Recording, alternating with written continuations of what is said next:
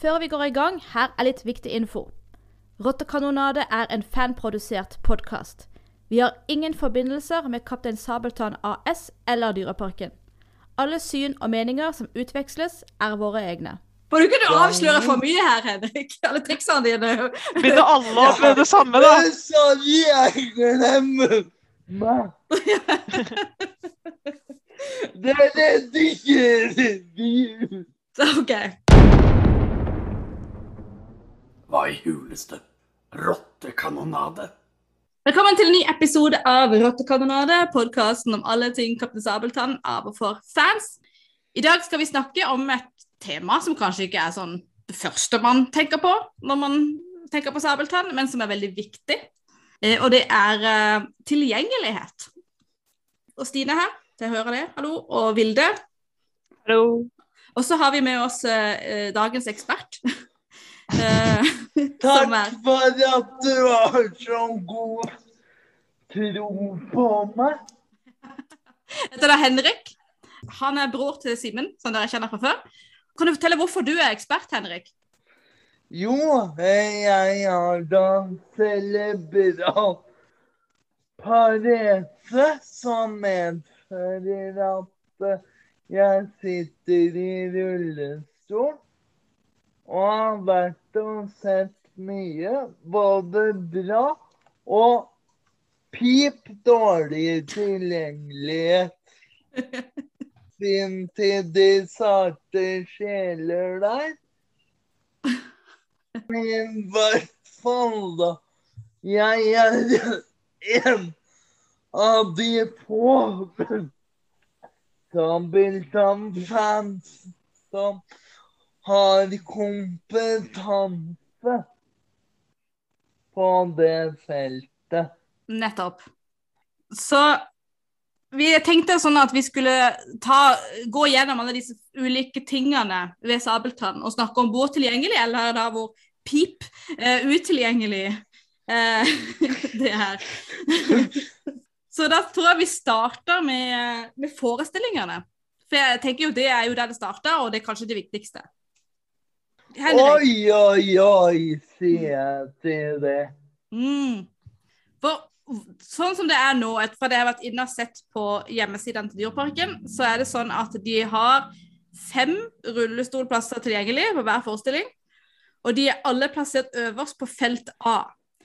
Og eh, bildet, som er jo kanskje veldig, veldig plasseringsfelt A, hvis jeg skal forklare det til folk som ikke kjenner igjen sånn eh, Hvis du ser sånn bilde av scenekartet, og da scenen er foran, så er felt A helt til høyre øverst eh, på de nederste feltene, da.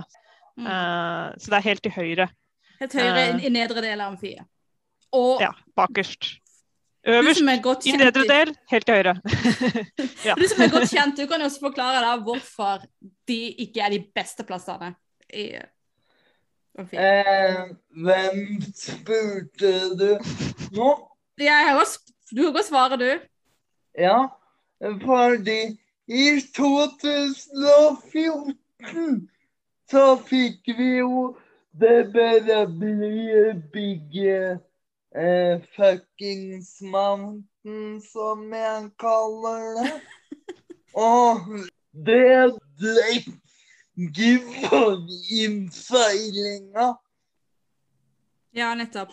Så det ble bygd et svært eh, fjell av et eller annet, altså et feil- falskt fjell, som en del av Har hatt mange navn opp igjennom, tror jeg. Folk, noen, noen har jeg har hørt at noen har kalt det gulosten uh, tidligere, for da var det helt gult. Ja. Men uh, ja.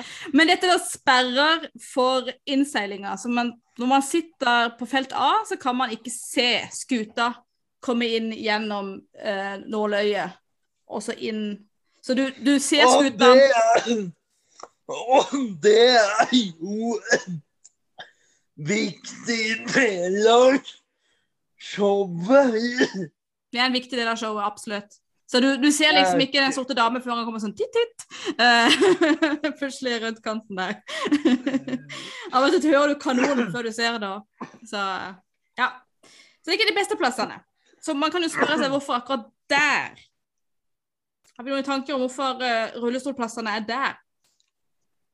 For å være ærlig så skjønner jeg ikke hva de har tenkt. Fordi det kan ikke være bra. Nei, hvorfor ikke det? Fordi det er jo like enkelt å komme seg ut eh, på felt E òg. Ja, nettopp. Det er da, og det felt E er da det andre, feltet på motsatt side. Så vi er også fremdeles på nedre felt, Faktisk bedre å komme seg ut fra felt E. mm.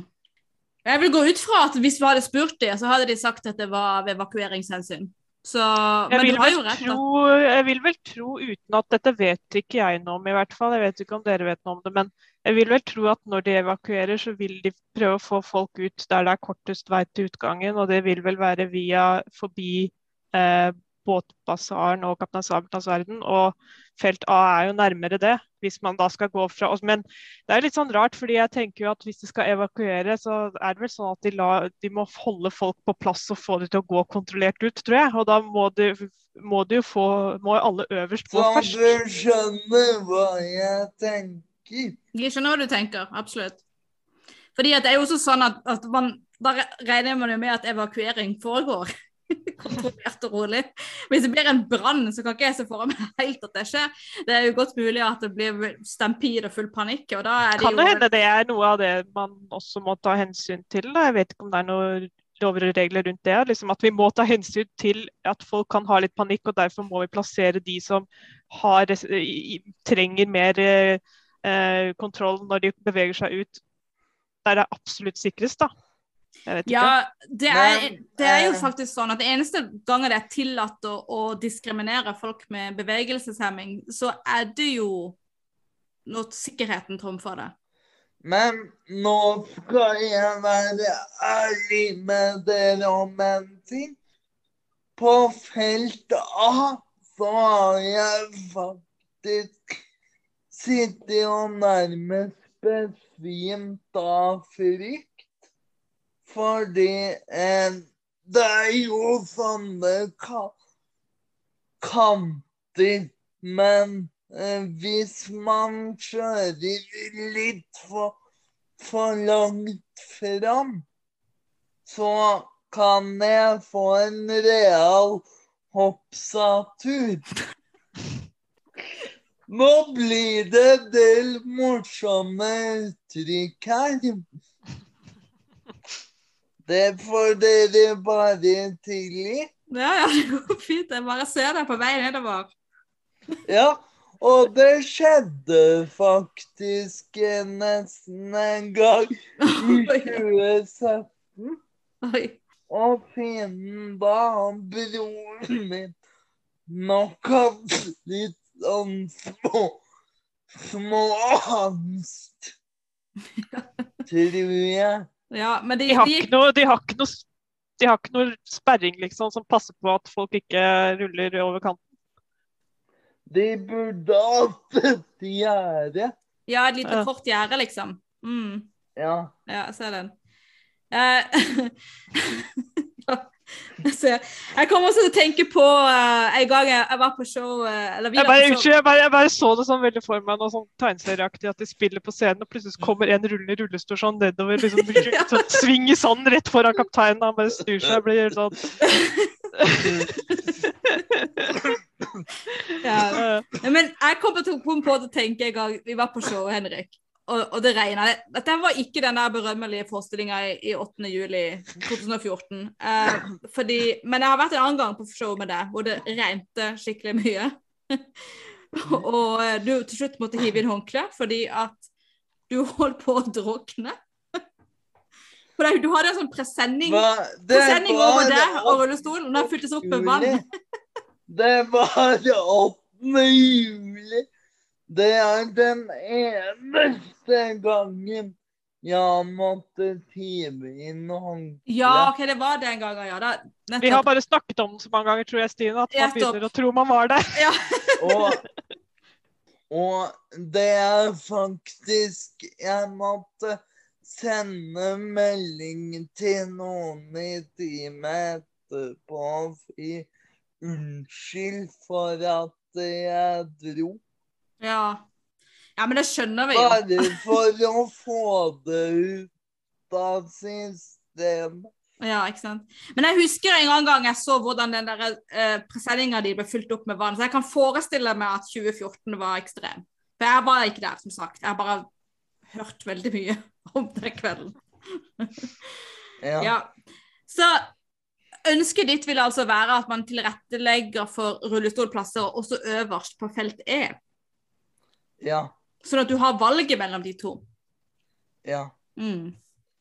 Jeg har jo gjort noe med det, men det skal vi ikke si høyt. Nei, vi satser på at det ordner seg. Men Ja. um, vi snakka jo òg litt i sommer, du og meg, uh, om at uh, en annen ting som taler til fordel for at man åpner også opp felt E, er jo at noen mennesker i rullestol kan heller ikke snu på hodet. Ja. Og er dermed tvunget til å så sitte og stirre inn, inn i denne fjellveggen eh, under hele showet uten å få sett noen ting, fordi de, de kan bare se den ene veien. Og det er jo i hvert fall et godt argument for at de skal sitte på andre sida og faktisk se scenen. Ja. Mm. Du, du kan snu på hodet. Ja.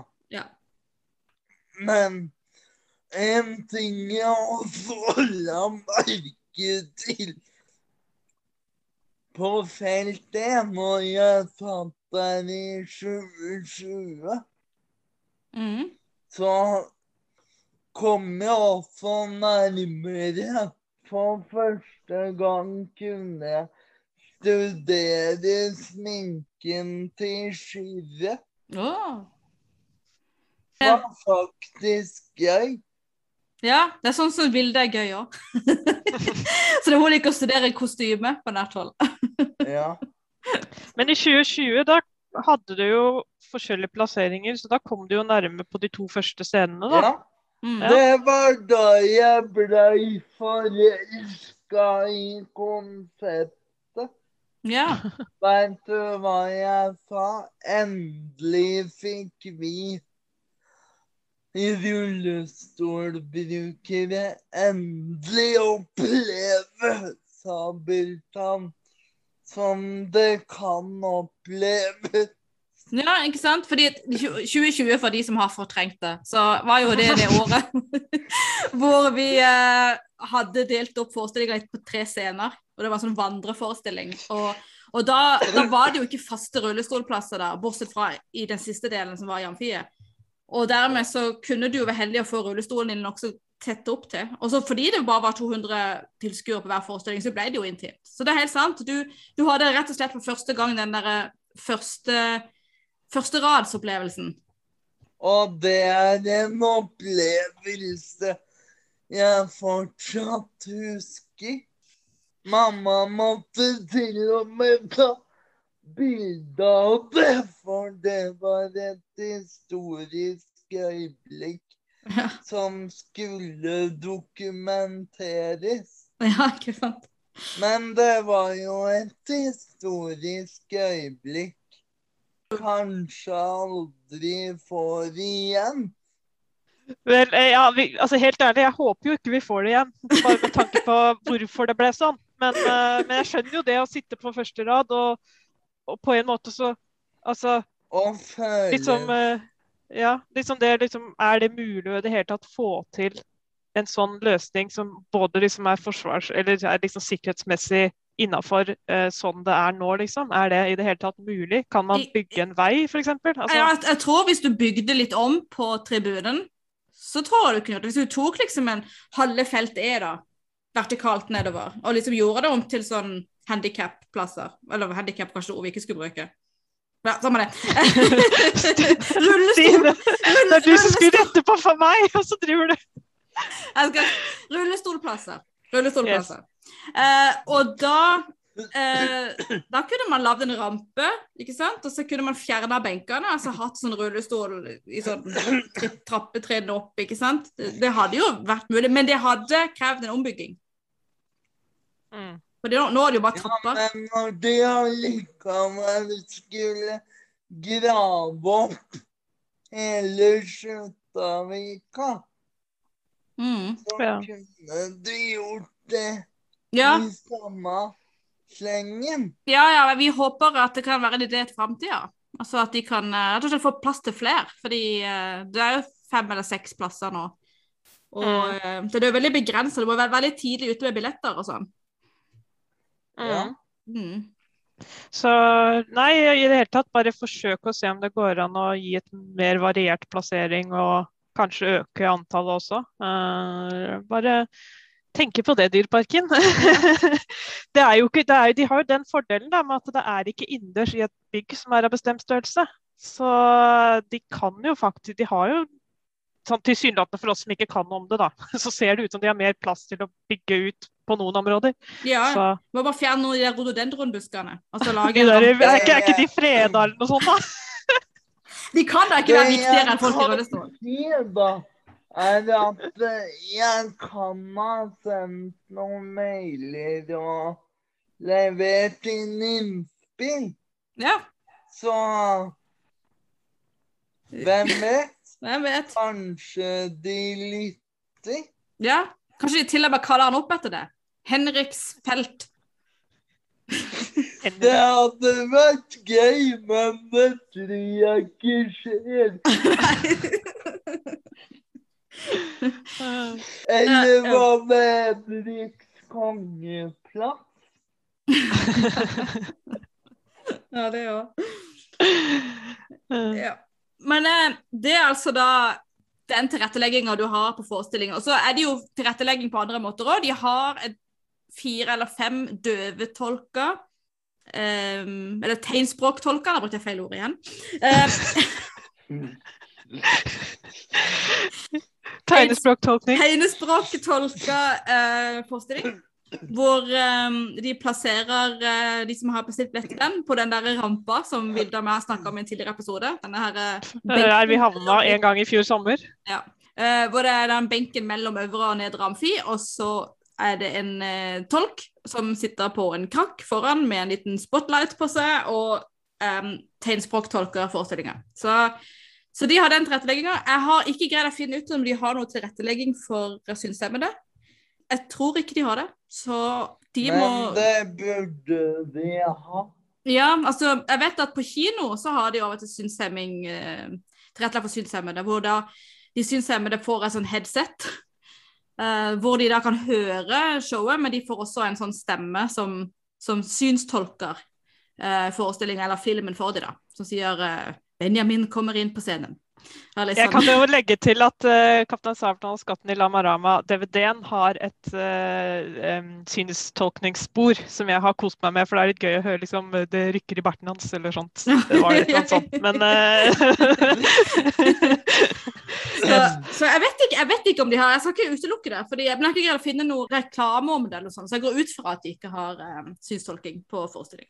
Men det var jo da, som du sa til meg, Stine, at Sabeltann-showet er jo veldig Det er jo relativt lett å på en måte høre hva som skjer, for de snakker veldig tydelig. De sier liksom urett ut hva de gjør, på en måte. Det da. er jo det, og det er Og så er det mye musikk og sang, så Ja. jeg lurer på om det kan hende det er litt med at de har tenkt på sånn liksom Det kan hende mesteparten av publikummet egentlig skjønner hva som skjer, og da er det en utgift de bare foreløpig har spart seg, liksom. Det er jo Ja. gjerne litt sånn, tenker jeg. Fordi det er Eh. jo en, en barneteaterforestilling, og barneteater er jo ofte enklere når det gjelder handling, og så er det ofte sånn at man har en tendens til å si veldig mye i replikkene. Så man sier liksom ikke bare 'hei' når noen kommer inn, man sier 'hei, skalken'. Eh, sånn at man, man skjønner liksom mye av dette foregår. Men jeg vet jo ikke, jeg er jo ikke synshemma sjøl. Jeg har aldri prøvd å se en sabeltannforestilling ligge blinde. Eh, så jeg, jeg kan ikke liksom si at det gir mening. Men jeg tror jo også fordi det er så mye sang og så mye Hei, den Skalken. Hei, lange mann. Der går du, Pinky. Ja. Ja. Nå, gjør, nå gjør jeg litt narr av Sabeltanns enkle språk her. Uh, ja. Men akkurat i sånne tilfeller kan det jo ha en fordel, da. Og så har de jo ledsagerbevis. Ordning. Altså, De har det. ledsagerordning, ja. Den kan vi diskutere litt. OK. Fordi eh, hvis det da er eh, seks rullestoler, da, så må faktisk ledsagerne sitte bak rullestolbrukeren. Mm. Det er ikke lagt opp til at de skal sitte én ved siden av hver rullestol? Nei, OK. Så de må må i noen tilfeller sitte bak på en stol, da, eller en takk. ja. Ja, På det er en det. måte litt på siden, men langt bak. Ja, ok. Men når det ikke er fullt, så kan de sitte på benken ved siden av? Da kan de til og med sitte på stol ved siden av. Ja, ok. Ja, men det, det, er jo egentlig litt dårlig, da. Jeg trodde liksom det skulle vært standard at man fikk lov til å ha én ved siden av seg som skulle følge en, da. Ja, Men så er det jo sånn at, at ledsageren har jo på en måte ikke noen rettigheter her. Eh, ledsageren er jo eh, der for å være ledsager, ikke for å se showet. Sånn i mm. teorien. Men de fleste er liker jo å dra med noen, da. Ja. Ja. ja, men jeg vil jo tro at For ledsageren har jo ikke betalt for billetten. Det er jo liksom litt av poenget med ledsagerordning. Det er jo at ledsageren slipper inn gratis sammen med den betalende rullestolbrukeren. Jeg leste i eh, Jeg var inne og så litt på hva de gjorde i andre parker. Jeg leste i Disneyland Paris. Da hadde de en egen brosjyre til, eh, for sånn tilgjengelighet. Og Der sto det at hvis du var rullestolbruker, så var det påbudt med ledsager. Og det var også hvis du kunne styre stolen sjøl. Så selv om du sitter i manuell rullestol og kan rulle den stolen sjøl, så er du pålagt å ha med en, eh, en eh, ledsager som er over 15 år og i stand til å dytte og hjelpe deg. Ja, men det er jo smart. Det er lurt å ha ledsager, ja, men at det var påbudt, det, det syns jeg var litt sånn interessant. Altså, jeg forstår det med enkelte rullestolbrukere, men, men noen er jo Altså Jeg vet, vet jo ikke hvordan fransk lov er, da. Sånn generelt. Er det noe med fransk lovgivning som gjør at det, de må ha den løsningen Ja, jeg tenker det sikkert har noe med sikkerhet og, og altså mulighet for evakuering og sånn, jeg vet ikke. Altså, det kan det være liksom bakkete. Jeg har vært i Disneyland Paris en gang, men det er så lenge siden, så kan det liksom. Jeg var litt overraska over at det var pålagt med ledsager Mm. for uh, forflytningshemmede, da. Ja. Ja, nei, jeg har jo vært inne hos i forkant. eh, Jeg tenkte vel at dette skal jeg vel egentlig ta opp når vi nærmer oss uh, attraksjonstema. Men Ja. eh, jeg har jo vært inne og sett på eh, Disney-parkene i USA, og da har jeg ikke fått med meg at det var påbudt eller ikke. Men mange av de parkene er jo vesentlig flatere i eh, utforming enn eh, Dyreparken. Så jeg så en sånn bloggvideo eh, med en i rullestol da, som liksom viste liksom hvor tilgjengelig var her og der. Og, og det var sånn, sånn her er det litt bratt bakke, og så sammenlignet med Dyreparken. Sånn Det der er ingen bakke. så det var sånn apropos det, så jeg var inne på Liseberg sine sider, og der sto det liksom om parkens tilgjengelighet. Og da sa de øvre del av parken, for der har de også en sånn bratt bakke opp en sånn øvre delen av parken, der sa de var lite tilgjengelig for rullestol. mm. Så, så den kunne være vanskeligere å forsere i rullestol. Det var de ærlige på, sånn i, Mm. i, på, på, de nettsidene, da. Og det er jo eh, eh, I Dyreparken, ja, det er jo bratt opp til, eh, til Kutoppen. For eksempel. Ja. og, men, det er, men det er jo breie og fine veier eh, og asfaltert, så det, det er ikke umulig. Du har vært på Kutoppen, Henrik. ja. Ja. En gang aldri mer. Var det så hardt Hva? å komme opp? Ja. Ja. ja, det er jo lang, lang bratt bakke, det er det. Som en stor, tung eh, stol, så er ikke det bare bare. Nei, det er jo folk til beins. Jeg ser på meg opp dit også, så vi skal ikke bare Det er ikke, ikke bare Vet dere hva jeg utfordrer dere til? Sett dere i en rullestol sjøl en gang. Ja, jeg har faktisk prøvd. Uh, vi har en rullestol på skolen jeg jobber, fordi vi har um, elever som går på helsefag. Og da har de en rullestol, så jeg har lånt den. og trilla litt rundt på skolen. Men uh, jeg har jo ingen trening i å bruke rullestol, så jeg er jo i hvert fall håpløs i en sånn. så jeg kom ikke så langt. Så nei, men det kunne være interessant. Og jeg vet at de elevene mine de har jo faktisk en sånn prosjekt hvor de drar til byen i den rullestolen og sjekker fremkommelighet i byen og sånn. Og, de kommer alltid hjem og er veldig overraska og sjokkerte over hvor lite fremkommelig verden egentlig er. Ja. Så eh, Samfunnet er ikke tilpassa oss i rullestol. ja. Det er det bare det å gå inn i klesbutikker og få plass mellom i de hyllene med varer var jo helt umulig. Mye sånn, man kommer gjennom en sånn der eh, Hva skal jeg si sånn et, eh, Sceneforheng Ja. med klær. Ja. Nei, nei. Men eh, skal vi gå videre da til eh, neste punkt, som da er KSV, altså Kaptein Sabeltanns verden? Å, der har vi jo noe å snakke om. Det vil jeg tro. Der er det nok en god del å ta tak i. Skal vi begynne med elefanten i rommet? Som er da spøkelseshuset. Å, nå gleder jeg meg! Fordi Spøkelseshuset er jo eh, bygd opp på det gamle heksehuset som sto der før. Og Derfor så mente Dyreparken at de var unntatt TEK17, som er eh, byggeloven, som sier at alle bygg som er publikumsbygg og eller arbeidsbygg, skal være universelt tilrettelagt. Det vil si at man skal kunne komme inn og ut med rullestol, og eh, også hvis man er synshemma osv. Men bygg som er bygd før denne loven ble tatt i bruk, og det var da i 2017, da det forhindret TEK17, da trenger man ikke å endre på de byggene igjen. Men så er det jo sånn at, at det, når, det, når det da bare var liksom at man endra på bygget, altså man brukte det gamle bygget, og dermed så mente de seg unntatt fra at de ikke behøvde å tilrettelegge det. Det er i hvert fall sånn jeg opplevde det, da. Er det sånn eh, Nå må jeg få begynne, Rafa. Ja.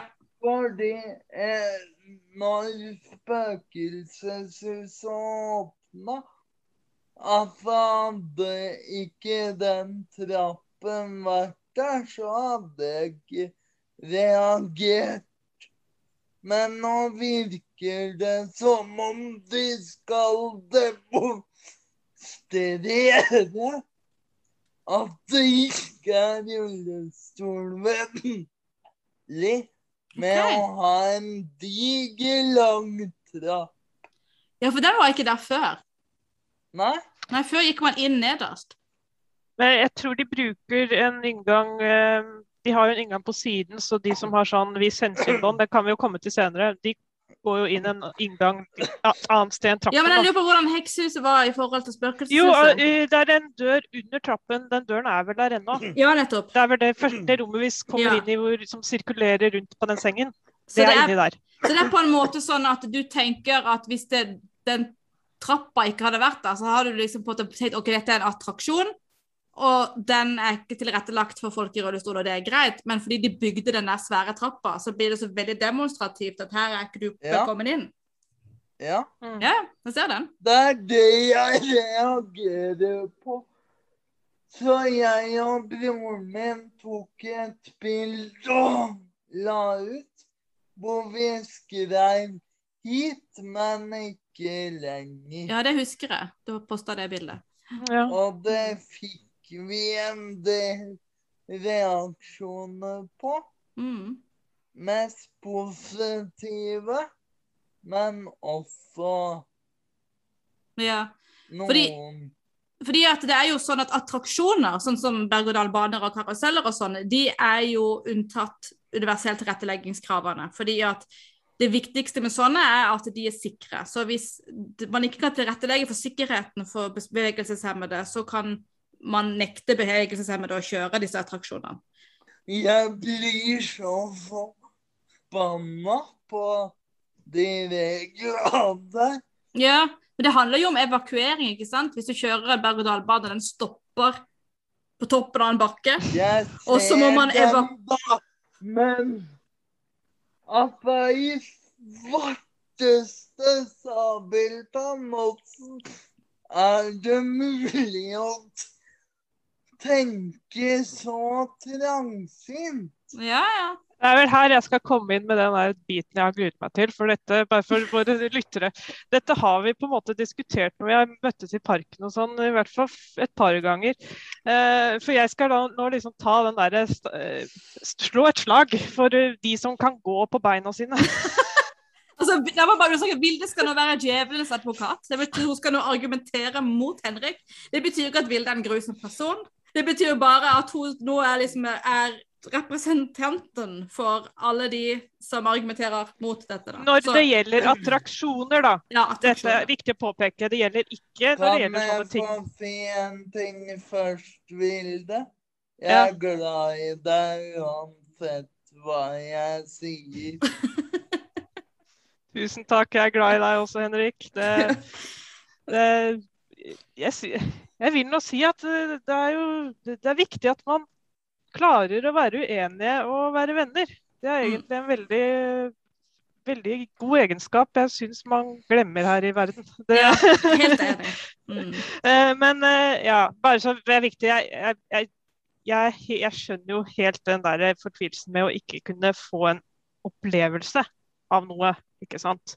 Men det er jo når det gjelder sikkerheten og når det gjelder attraksjoner, det er jo ikke bare rullestolbrukere som eh, blir ekskludert, f.eks. berg-og-dal-baner. Er man for høy, er man for kort, av sikkerhetsmessige hensyn, så kan man ikke ta den, ikke sant? Eller for tjukk. eller for tjukk. Så det er jo også andre grunner til at man av sikkerhetsmessige hensyn ikke kan ta en sånn ting. Eh, fordi, og det, Vi har jo hørt om grus.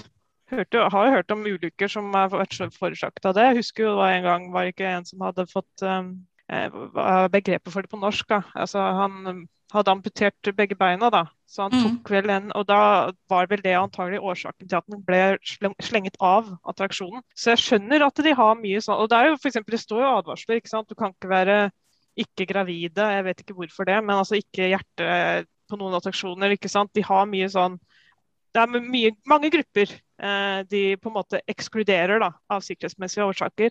Og jeg, jeg vil jo tro at når det gjelder berg-og-dal-bane med svær fart og mye teknikk og sånn, så er det mer forståelig, for der er det liksom et sånn element av livsfarlighet som man liksom uh, umiddelbart forstår. Men når det gjelder sånne ting som spøkelseshus eller sånne såkalte vi har ikke noe norsk ord for det. Dark rides, eh, som da vil være sånn hvor du sitter i en vogn av noe slag og kjører gjennom eh, forskjellige rom og ser eh, tablåer på en måte da, rundt Ja, deg. Eh, tenk sånn Pirates of the Caribbean. Eh, eller eh, list, ja. I Hundefossen, for å ta et norsk eksempel. Og Eh, de- nå tok du noe ut av munnen på meg. Jeg skulle bruke det som eksempel. Ja, Får jeg, får jeg lov til å ta Får jeg lov til å gå gjennom min, eh, min, Ja. min lange greie? For, for jeg har tenkt litt på det, fordi jeg har sett i forkant her, så har jeg sett gjennom Disney-parker, og som jeg sa, jeg så noen sånne blogger og sånn. Da så jeg jo liksom hva slags løsning de hadde på mange av disse forskjellige dark ridesene. Og Pirates of Caribbean er jo en gammel dark ride som ble opprinnelige versjonen av den kom jo på 1960-tallet. Eh, Og da, skjønner, da sier det seg selv at jeg vil vel tro at på 60-tallet så tenkte ikke folk, så var det ikke så mye regler rundt det. Så, og når de da liksom har beholdt den, så har de vel beholdt grunnlaget der. Så det, jeg har skjønt det sånn at hvis man klarer å komme seg Hvis man har, kan ikke trenger å sitte i rullestolen, så kan man ta den hvis man klarer å komme seg over i, i selve båten. Men eh, det, i Disney-parkene så var det jo noen tilfeller der altså det var mange tilfeller der hvor ja, særlig eldre attraksjoner av sånne dark rides hvor man ikke kunne man kunne ikke ta de, om man måtte sitte i rullestolen. Men eh, det var noen av de nyeste. Så hadde de faktisk lagd egne sånne vogner med plass til rullestol, som de liksom kunne eh, dra inn på, på De går på skinner, mange av disse. Da, så de kunne liksom hente inn på skinner, så man liksom kunne kjøre inn rett med rullestolen. Da. Men dette gjaldt stort, stort sett de nyeste. Da. Og en begrensning er jo selvsagt hvis disse attraksjonene har litt berg-og-dal-bane-elementer hvor det går litt opp og ned og sånn, da blir det jo, sier seg selv at da blir det vanskelig med rullestol igjen, for da må man vel kunne feste den veldig sikkert og sånn, tenker jeg. Og det tror jeg blir litt for dyrt og litt for innfløkt i mange tilfeller. Men nå, nå begynner jeg å prate meg bort her. Men poenget var Spøkelseshuset er jo en litt sånn Det er jo li, en litt en sånn dark ride på en måte. Du, bare at du bruker beina dine som kjøretøy. Du går gjennom rom, du stoppes opp, du blir, ser tablåer rundt deg med effekter rundt som forteller mer enn historie. Da.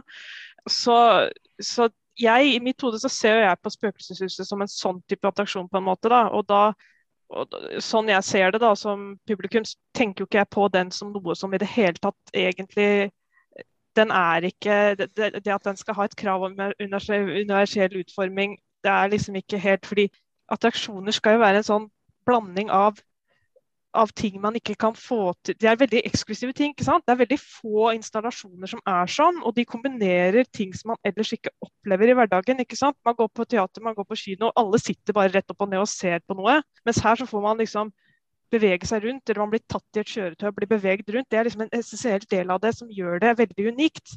Men det er også dyrt, og det er også veldig sånn sikkerhetsmessig og veldig mye, mye mer sånn komplekst enn en sånn vanlig teater- og kinorom. Og, og, så er det også litt med sånn ideer, da. ikke sant? Man har en kul idé.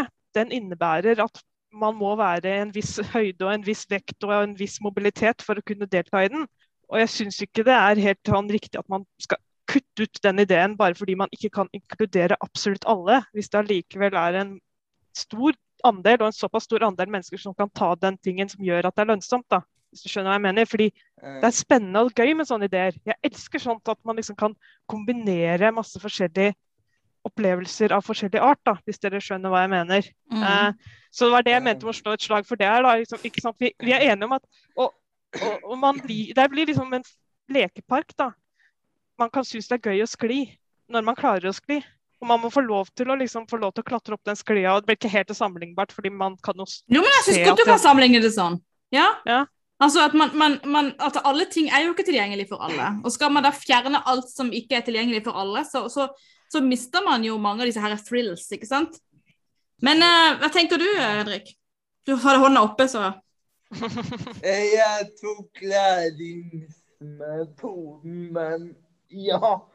Jeg ser poenget ditt, men jeg kan ta og fortelle dere om en idé jeg leverte til Dyreparken da eh, eh, bomba sprakk og at huset skulle komme, så leverte jeg til de en tanke at herregud, hvorfor ikke ha meg gamle gruveiser? Så det kan bli eisende manuelt av to skuespillere, da. Det har vært veldig gøy. Hvis dere skjønner hva jeg Mm, jeg ser hva du mener, det, men det å komme seg fra den ene etasjen til den andre, det er jo én ting. Men mange av de gangene i det spøkelseshuset er veldig smale og trange. Noe som er en del av den litt skumle opplevelsen som det skal være. Og da har du ikke kommet gjennom med en uh, stor uh, doning av en rullestol, altså. Vi har jo hatt en idé Og det er jo å lage sånn 4D-kinoopplegg. Ja. Man kan få type MR-briller, da. ja. Jeg tror Vilde har lyst til å fortelle om det. Jeg er advokat for filming av attraksjoner. Det må jeg understreke under hver eneste pod. At jeg er så lei meg for at det ikke er noe som helst filming av forestillingene. Men ja, eh, altså jo, fordi hvorfor kan jeg snakke så mye om Disneyparkenes attraksjoner, selv om jeg aldri i hele mitt liv har vært i en Disney-park og antagelig aldri kommer til det? Selv om de sier før hver attraksjon, ikke film. Tusenvis av mennesker gjør det, og derfor har jeg sittet og kost meg i timevis på YouTube med å se disse attraksjonene jeg aldri antagelig kommer til å oppleve selv.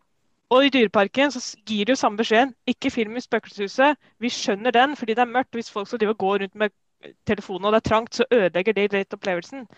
Men hvorfor kan ikke Dyreparken når de da ekskluderer en gruppe. Fordi Spøkelseshuset er jo ikke som en berg-og-dal-bane i den forstand at spøkelseshuset Eller det finnes jo berg-og-dal-baner som implementerer historieelementer i starten og sånn også, det er helt klart. Men Spøkelseshuset er jo en fortelling. Og jeg vil vel tro det er mye av det også som du har lyst til å oppleve, Henrik. liksom Den fortellingen Ja. om Kaptein Sabeltanns mareritt. Og Derfor så skjønner jeg ikke hvorfor ikke Dyreparken kan innse at liksom, det er noe av det folk også har lyst til å oppleve. Og det er liksom og Du har sikkert også lyst til å se de videoene av de skuespillerne i kostyme som spiller ut rollene som er der inne også, ikke sant? Ja. Ja. Eh, og da skjønner jeg ikke hvorfor ikke Dyreparken bare kan Jeg har lyst på den eventyropplevelsen. Mm. Ja, og da skjønner jeg ikke hvorfor ikke Dyreparken bare kan filme det selv når de, på en profesjonell måte. Og jeg tror ikke at de, om de slipper det for alle på, på nett, om det egentlig skader for oppmøtet, det tror jeg ikke. Nei, Eh, og hvis de er så redde for det, så kan de vel finne en eller annen løsning med link for spesielt folk som spesielt spør om dette, da. Men allikevel, at de, hvis de bare hadde filmet den, så hadde de hjulpet utrolig mye. For da hadde mange fått lov til å på en måte delta på opplevelsen og kunne snakke med dette med de som da har mulighet til å gå inn da, på en annen måte. For når vi har tatt nå, så går vi ut og så møter vi deg, og alt vi kan gjøre er liksom bare å gjenfortelle det vi har opplevd. Men du får ikke du må liksom, Så du får det liksom Det, det, det føles så håpløst da, liksom, når det egentlig er så enkelt. De kunne bare filmet det, og så kunne du Mm. ha deltatt i den opplevelsen mye større grad. Ja, jeg skjønner ikke det. De kan filme sangopptrinn fra forestillingene, så hvorfor? Også, de, de kan filme dyrepresentasjoner som de legger på nett. Jeg skjønner ikke hvorfor de ikke bare kan lage en sånn videosnutt. og dette er eh, Jeg forstår det ikke heller. Og det er vel kjempegøy med den ideen du hadde om 4D-kino. Altså at du kunne rulle inn i et rom og så få på deg headset og VR-briller, og så få en måte en sånn virtuell tur gjennom spøkelseshuset. Det hadde vært drittfett. Men da tror jeg til og med flere av dere funksjonsfriske hadde blitt må. ja. Ja, absolutt. Er lettere å rømme ut. du bare tar av. nei, nei, jeg orker ikke mer. Ja, ikke sant. Eh, Nei, det er vel, det er vel egentlig den eh, litt sånn veldig irriterende elementet med spøkelseshuset. At norske borgere er mye lydigere enn eh, amerikanere, og de filmer ikke dette. så, uh, men jeg, jeg vil jo ikke at masse telefoner skal komme opp foran fjeset mitt der inne, men jeg vil gi er tips til dyreparkene der, altså. Men det Mm. handler om inkludering og kunne snakke om denne historien sammen og ha en eh, større felt... Altså nå er det ikke noe fellesopplevelse, eh, men der får du noe mer, i hvert er fall. Jeg kan, jeg kan, jo, jeg kan jo for eksempel snakke med en amerikaner som har tatt Pirates of Caribbean på mye likere linje, selv om jeg aldri har tatt Pirates of Caribbean, for jeg har sett videoer på YouTube. Og jeg tenker jo også at du eh, At det som du sier, det er jo en De er opptatt av at Sabeltann skal være en fellesopplevelse, ikke sant? Og dette er jo ikke bare en generisk nevner jo spøkelseshistorie. fellesopplevelse minst 20 ganger før forestilling. ikke sant? Og dette er jo ikke bare et generisk spøkelseshus, ikke sant? Det er jo som du sier, det er en sabeltannfortelling.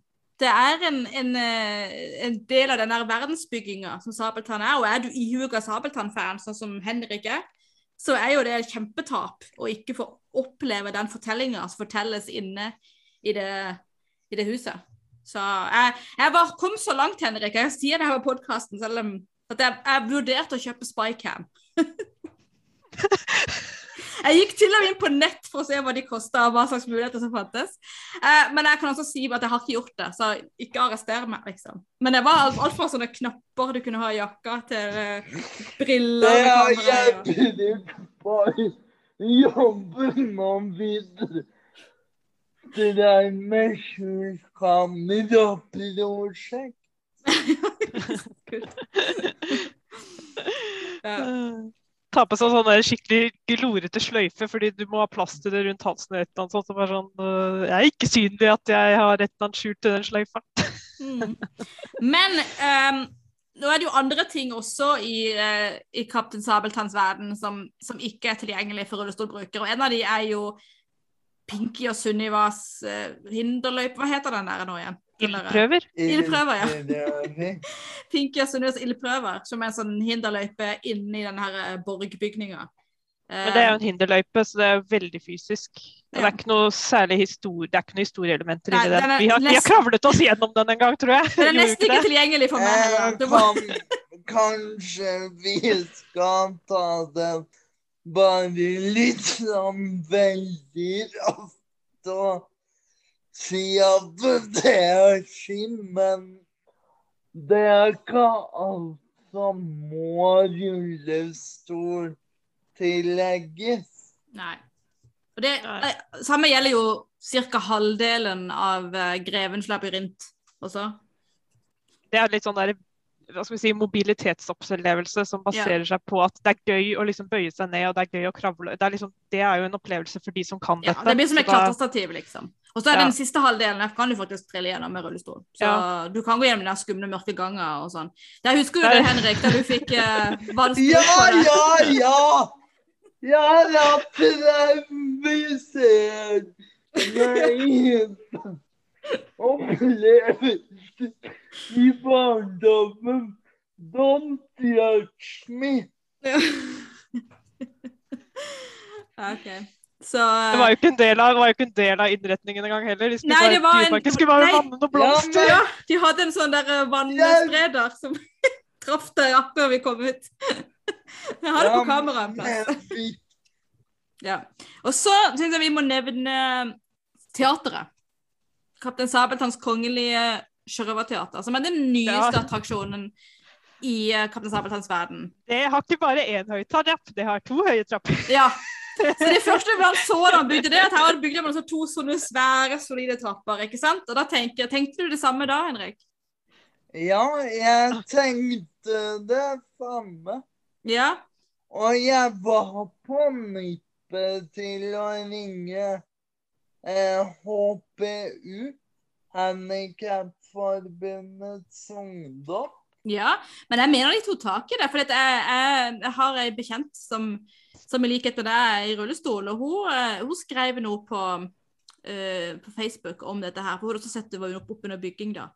Men det viste seg jo at det har jo en, en egen inngang for rullestolbrukere. Ja. Så, så man kan komme inn i det. Og det er en heis eller- Nei, nei, det er de vel ikke. Du kommer bare rett inn på det der um, Ja. Nedre nivået. Mm. nivået, ja. Ja. Men du kom inn, og du fikk sett showet i Ja. Sjørøverteatret. Ja. Så, så det det, går. Ja. Selv om du må ha spesialbehandling. Ja. Jo Men, eh, men eh, den trappen er vel køområde, vil jeg Nå har jo ikke den vært under sånn normal funksjon, da, så vi får se hvordan det blir neste er, år. Den, hvis er ment å skulle være køen, ja. Det er der køen Ja. skal stå. Så det er derfor de har den trappa. For at Så den køa ikke skal være veien for noen. For de som står Ja, det er, det er sikkert det. Eh, at det blir lettere for trafikken under der, og at de flytter køen et nivå over. Mm. Eh, og for da, fordi Når man går inn der, så går man bare inn en gang, på en måte. Det er en liten gang, og så går man bare rett ned inn i eh, salen. Så det er ikke noe sånn stor forskjell sånn opplevelsesmessig, egentlig. Eh, nei, så den er jo et eksempel på eh, noe helt annet enn Spøkelseshuset. Der har de trapper, men ja, nå, nå gikk det opp for meg. Det, det var jo er sikkert det de har tenkt, da. At det skal være plass til folk under. Ja. det Og det, og det er jo fordi at det er nyere bygg, og dermed er det underlagt disse byggereglementene. Altså det skal Ja. være universelt tilrettelagt. Det skal være mulig for rullestolbrukere å komme inn og ut. Så, så der har de jo fulgt reglene. Det, det må jeg bare få sagt. Takk for at jeg fikk eh, billetten deres i sommer. Ja, ja, bare hyggelig. Ja. Da var det sånn knapt med de billettene i sommer.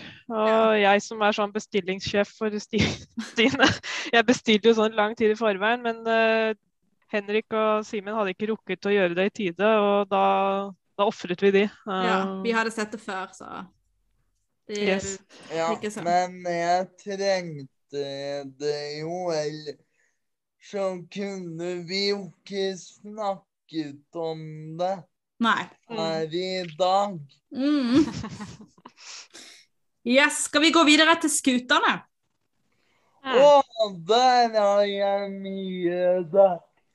Jeg har bilder av deg om bord i en sort dame, så jeg vet du har greid å komme om bord.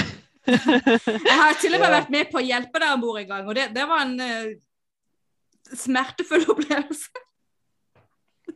Fordi eh, det var vel akkurat plass på den der eh, rampa for å få plass i stolen din. Eh, så Ja. ja, det er vel fort at ting kommer i klemme. Men nå har jeg jo blitt benskjør, så Mm. nå kan jeg jo brekke noe med å faktisk få ting i klemme. Ja. Mm. Så fy, Dyreparken! ja. Fy! Nei, det er, det er jo i hovedsak eh, hovedsak eh, den rampa som er problemet der. fordi at når du først har fått stolen om bord, så, så, så gror det jo Er, er ikke bredden på åpningen også som Eller Jo, det er jo selvfølgelig porten, da. Som, altså inngangen på båten er for smal. Mm. Eh, den båten ble jo bygd i 1994, så den er jo gammel og gammel båt. Gammelt bygg. Uh, så jeg vet ikke hva slags Det er en båt også, det er jo ikke Ja. bygning. Nei, sett, hva slags regler er det der, egentlig? Nei, altså reg Reglene er at du er, du er unntatt fra, fra uh, universell tilrettelegging hvis det området eller, som er utgangspunktet uegnet til folk som er, har um, bevegelseshemming, da. Uh, et skiftverft, ikke sant, eller en oljeplattform har ikke krav om, om uh, universell tilrettelegging fordi at det vil sannsynligvis ikke jobbe folk i rullestol der, av he- sikkerhetsmessige hensyn. Så jeg tror en båt er jo unntatt fra disse, disse reglene, da. Med mindre det er passasjerferjer, selvfølgelig. Så, så det er klart at Og det er jo det sorte dame på en måte. Den er det, men det går jo an. Du, du går jo an. Du får lov å komme om bord i rullestol. Men det er ikke alltid sånn praktisk lett. Nei. Ja. Ja. De, Så det- de ka- kanskje, kanskje skal investere i en sånn liten kran som er liksom lagd innenfor tematisere Ser ut som en sånn der kran på 1700-tallet som de kan heise opp folk i rullestol oppi båten. Uff a meg. Nei, Ja, men, ja, men det, ser, det, ser, det er ser ut som den er av tre. Liksom. De kan gjøre den sånn fin tema på den, sånn sekk ut som stikker seg ut. Og så Ja, nei. Nei, jeg vet ikke. Men nok til at du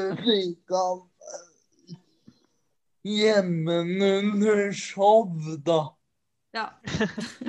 Nei, men jeg leste um, på hjemmesidene til Dyreparken at eh, om det sto om tilgjengelighet, da sto det at uh, sjørøvere på hjul var velkommen om bord i Den sorte dame. Eh, så, så sant det var, gjaldt rullestoler, da. Barnevogner var ikke lov. Så det er klart at det, det er mulig, men det er litt vanskelig, og særlig fordi at du fort får et bein eller en arm i klemme. Eh. Spørs på og- størrelsen på kjøretøyet. Da. Mm. Det er vel det det går på. Ja. Og barn har jo stort sett mindre rullestol enn du har. Så, så det er litt sikkert lettere med når det er snakk om barn. Ja. Mm. Men du har i hvert fall fått prøvd å kjøre den. Har du vært om bord i Grevinne nå? For mange, mange år siden. Ja. Og har du kjørt uh, sånn utenfor Sabeltann her, har du kjørt uh, hakkebakketoget? Ja. Ja. For det leste jeg også det var, skulle være tilgjengelig for eh, litt mindre rullestoler, i hvert fall, står det. Så Nei, de har, ikke, de har ikke gitt plass. De har liksom ikke, når de satt av en svær plass. Så det er nok Nei, plass. de har sto det at de, eh, de Hvis det var en snakk om veldig store um, Store sånne doninger, liksom, så Ja. kunne man, måtte man i noen tilfeller flytte seg over i en manuell rullestol, som man kunne låne på stedet. og Så, kunne de... Mm. Så, så det var liksom sånn Ja, du kan kjøre der i rullestol, men det er liksom ikke ubegrensa med plass.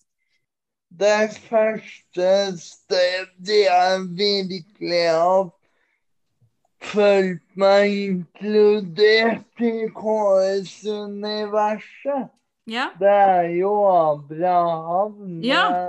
Det er jo det siste vi skal inn på, ja. så vi kan jo gå dit nå. Jeg ble bare så engasjert, bare sorry. Ja. Men jeg tenkte i sånn første omgang at Adrahaven er jo veldig mye brostein og veldig mye grus. Er ikke det vanskelig å kjøre sol på? Nei da. Jeg kan tenke det er kanskje er litt verre for synshemmede. Eh, For første gang kan jeg faktisk kjøre rundt et sted uten å måtte ha en bar barnevakt Å ja. Så du kommer rett og slett rundt på egen hånd der? Ja, Mm. og det er veldig deilig. Ja, det ser jeg. Det er jo forholdsvis breie og fine gater. Det er jo noen sånne unntak, der, noen bratte skråninger og sånn, men du kommer jo fint rundt andre veier. Det er alltid en sånn alternativ rute. Mm. Mm. Men det er jo egentlig, og det er veldig få trapper, egentlig, og de trappene som er der, er sånne områder du ikke er nødt til å gå. Liksom. Nettopp. Det er sånne Du kan- veldig smale smug og sånn, Mm. som du ikke nødvendigvis trenger å vite er der heller. Ja, og så er det jo flere av leilighetene er eh, tilrettelagt.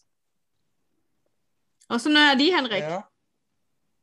Jo, Det eneste er at jeg må bli løfta, men da kan det bli noen gøye og litt kleine situasjoner i senga på kvelden. Når du bare løftes fra stolen over i senga? Ja. Ja. ja den. Plutselig så lå jeg og Siven og Mathias eh, Ja. Men Ja, det var i det Det kan vi ta en annen gang. Ja. Jeg tror Mathias nevnte det i sommer, at uh, det hadde blitt litt intimt i et lite øyeblikk der. Eh, Når vi øvde, så at jeg hjemme meg, så sa jeg jo til Mathias at jøss, du er den første mannfolket jeg har hatt med meg opp i senga. Ja, ja, ja. Nei, så det er ikke, det er ikke, det er ikke sånn der eh, personheis i leilighetene, altså. Så du må rett og slett fysisk løfte. Så du, ha, du er avhengig av med deg noen som, som klarer å løfte. Men, eh, men ellers er det jo sånn at disse, disse leilighetene da, som er tilrettelagt, de er eh, litt breie dører, altså ikke dørterskel, går jeg ut fra. Ja. Og så alltid i første etasje, åpenbart. Og så er de i um, Har de ja. Toalett, eh, de større toalett med sånn Svært. Har vi tid til at jeg deler en historie fra første året? Det tror jeg vi har. Yeah. Eh, fordi eh, da første året så fikk vi leilighet i Villa Rosa.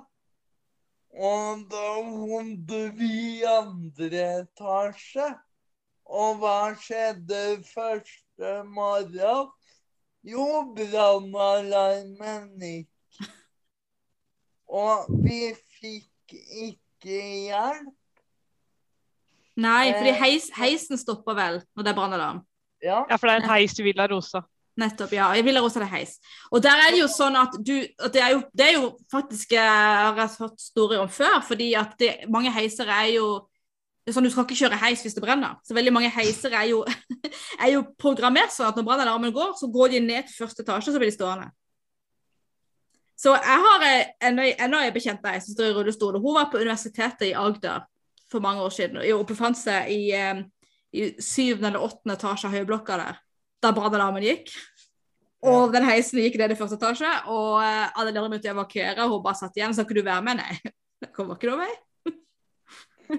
Så hun fikk hjelp av to stykker til å bære henne ned to etasjer da, før brannvesenet kom og måtte bære henne ned resten av veien.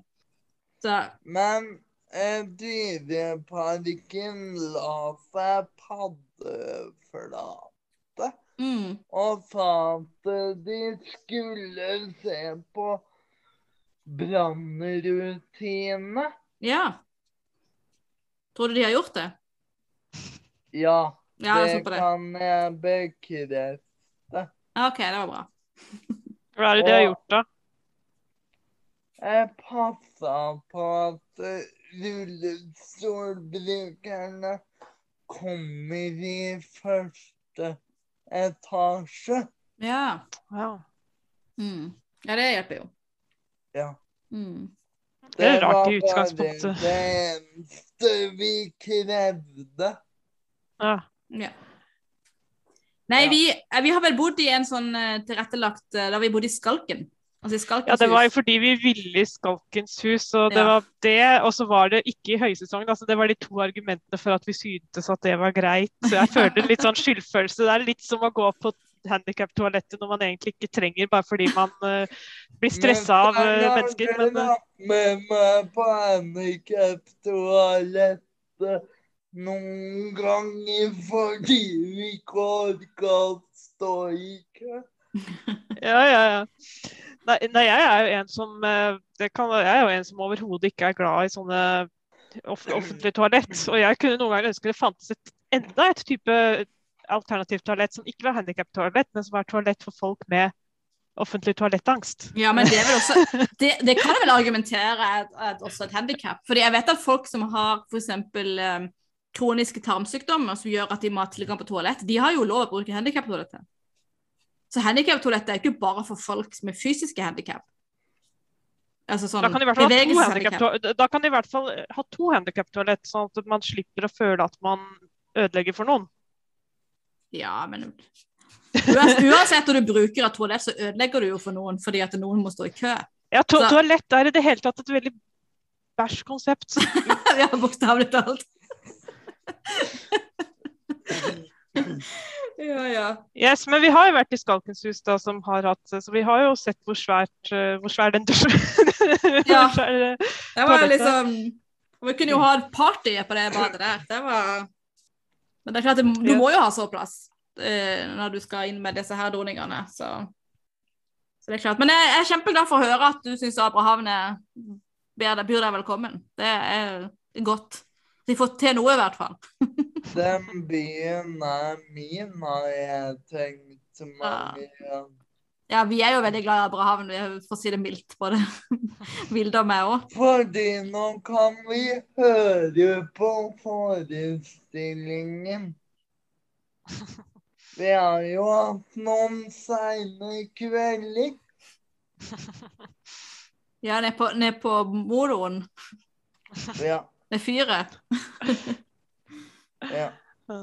ah, Ja, ja. Eh, men altså, til slutt eh, skal vi ramse opp disse um, andre tilretteleggingene som vet at Dyreparken gjør. Bare for de som har sagt det. Du nevnte jo Vis hensyn-båndene. jeg gjorde det. Mm.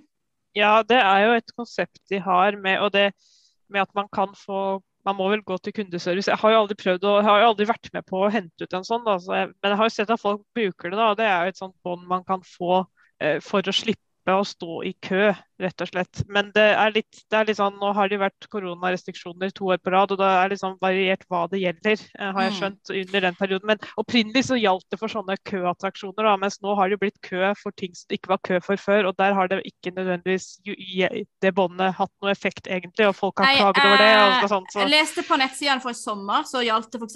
ikke på skutene eller på dagopptrinn. Fordi at Mm. der var det jo allerede begrensninger.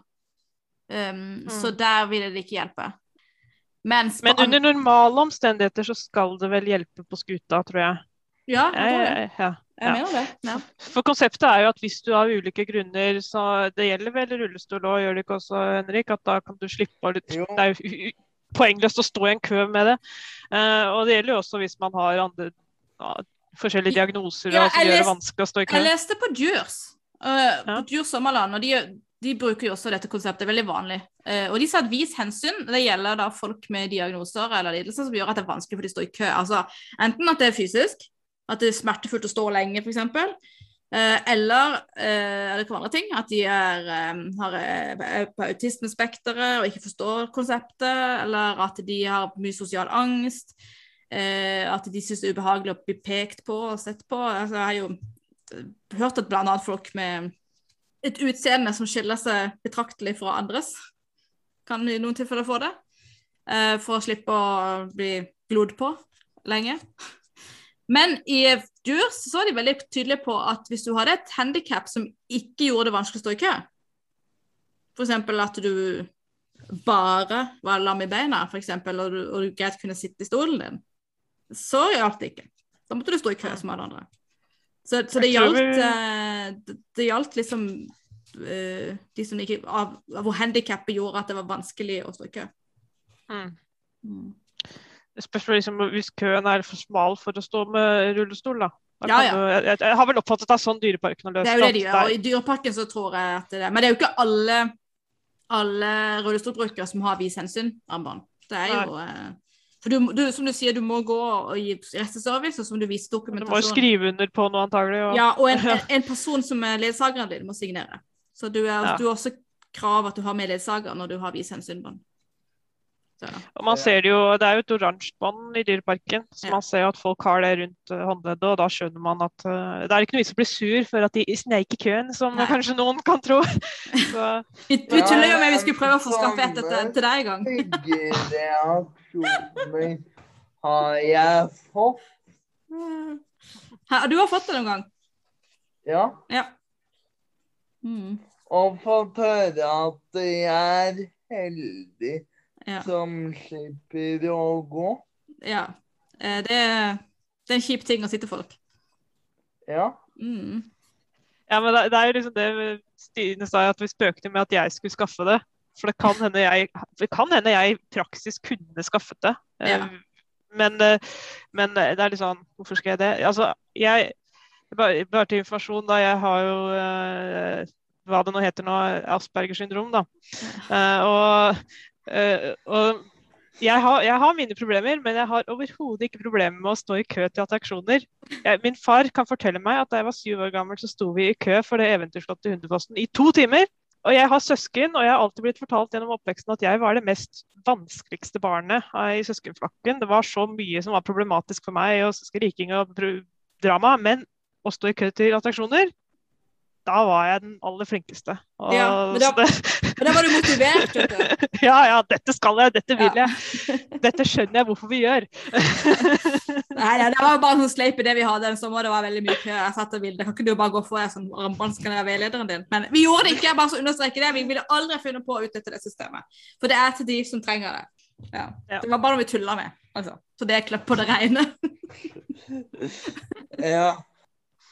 Ja, men det, det er jo bra de har et sånt system, da. Som, eh, altså det er bra- for begge parter, vil jeg tro. Det er jo slitsomt for eh, både den som si, har utfordringer, og de som måtte stå rett til siden av en som for hvis man har, Da kan det hende det, noen barn kan være litt utagerende, ikke sant. Og det blir ja, Mm. nei, det, så det er, det er dumt at noen kan finne på å komme med litt sånn der eh, gjennomtenkte kommentarer rundt det, eller føle at liksom noen sniker og sånn. Det, ja, det er litt unødvendig.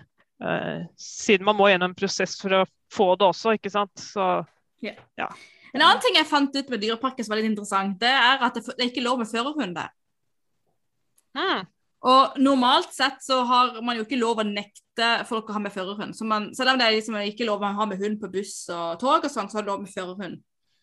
Men det er ikke lov i Dyreparken. Og det er rett og slett fordi Dyreparken er underlagt Mattilsynet. Og så går på dette her med å, uh, at dyr kan smitte hverandre med sykdommer. Noe som gjør at alle dyr som skal inn i Dyreparken, og det gjelder også Dyreparkens egne dyr, f.eks. når de har eh, fått en ny tiger fra Nederland, eller hvor de kommer fra, så må de være en måned i karantene før de kan slippe inn til de andre dyrene i Dyreparken. Så det betyr at skulle du hatt en hund med inn i Dyreparken, så måtte den vært en måned i karantene. Før du kunne ut, og så måtte det være en måned i karantene etter å ha vært der. Ja, noe som er veldig utstrakt.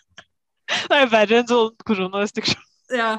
Så det betyr at i dette at det gjelder dyreparker, så har man ikke lov å ha med førerhund eller servicehund eh, inn. Og det gjør at, at synshemmede i stedet må ha med ledsager. Altså menneskelige ledsager. Mm. Det var ikke jeg De klar over. De, de har jo hundeparkering rett utenfor Dyreparken. Da. Ja. Uh, for uh, hvis man absolutt ikke har noe sted å ha den hunden når man kommer dit. Mm. Eh, ja. Nei, men eh, det gir jo jeg, har vel alltid antatt at det hadde noe med dyrene å gjøre, når jeg har hørt at det ikke var lov å ha med fører under Ja, men det var det. Det er av dyrene, ja. Ja, det, ja så det, det gir jo mening sånn sett. Eh, selv om de teoriene ikke skal være borti hverandre, egentlig. da. med, med, med, med, Men sånn som i, i Djurs og Sommerland og sånn, og i uh, Disneyland Paris, så er det lov med førerhund. fordi der er det jo, det er jo ikke Mm. dyrehage. Det er jo en, Mm. en um, fornøyelsespark. Så da er det andre Ja. regler. Mm. Så det var en sånn der fun, not so fun, Fun. fact. fun not so fun fact. yes. Ja, men det her var jo en interessant uh, samtale, syns jeg. Mm. Det noe mer vi føler vi må ha med? Nei, eller uh, eh, Jeg vil bare skyte inn at alle mennesker er like mye verdt. Husk alle det der ute. Ja, det skriver jeg under på. Ja. Ja. Bare måtte få sagt det. Ja. Er det noe du har lyst til å reklamere for, eh, Henrik, siden du er på alle, altså, til våre alle hundre lyttere? Vi er ca. 100 lyttere nå, jeg er veldig stolt av det. Ja. Eh, nei, egentlig ikke. Nei? Du vil ikke fortelle om teateret ditt, eller? Jo, jeg jobber jo på en produksjon nå, da. Ja. En halloween-forestilling hvor jeg får være en umenneskelig diva som baler alle rundt seg som Oi. den slaver. Ja. Og han har enkelte straffemetoder, denne divaen. Men hva det er, må man jo komme til Kulturverket Flammen for å se. ja. Og dette ligger da i Nittedal. Ja. Ja. Kulturverket Flammen i Nittedal, altså. Og dette er da i oktober, som jeg ikke skjønte det. 31. oktober Mm. klokka 13 og 17. Ja. Yes. Og ellers så finner man det på eh, sosiale medier, kanskje, men Henrik Thoresen er navnet. Så Ja. vi, vi linker til det der på Instagram i hvert fall. Så. Jo. Men da koselig å være med. Ja, det var veldig hyggelig for oss òg. Vi, eh, vi lærer stadig mer ting. Nå har vi jo hengt med deg i parken noen ganger, vet du. Så vi har jo eh, første, også har litt sånn kjennskap til hvor eh, vanskelig det kan være å få fram eh, Komme fram alle steder. Så, eh, så vi har jo vi har jo kjent hverandre noen år nå. Men da eh, Da takker eh, jeg i hvert fall så hjerteligst praten. Og så eh, må du ha en strålende kveld i det frie Norge. Uh, Ja. vet du, Dags dato i dag er søndag 26. september, og i går så ble Norge si, fritt.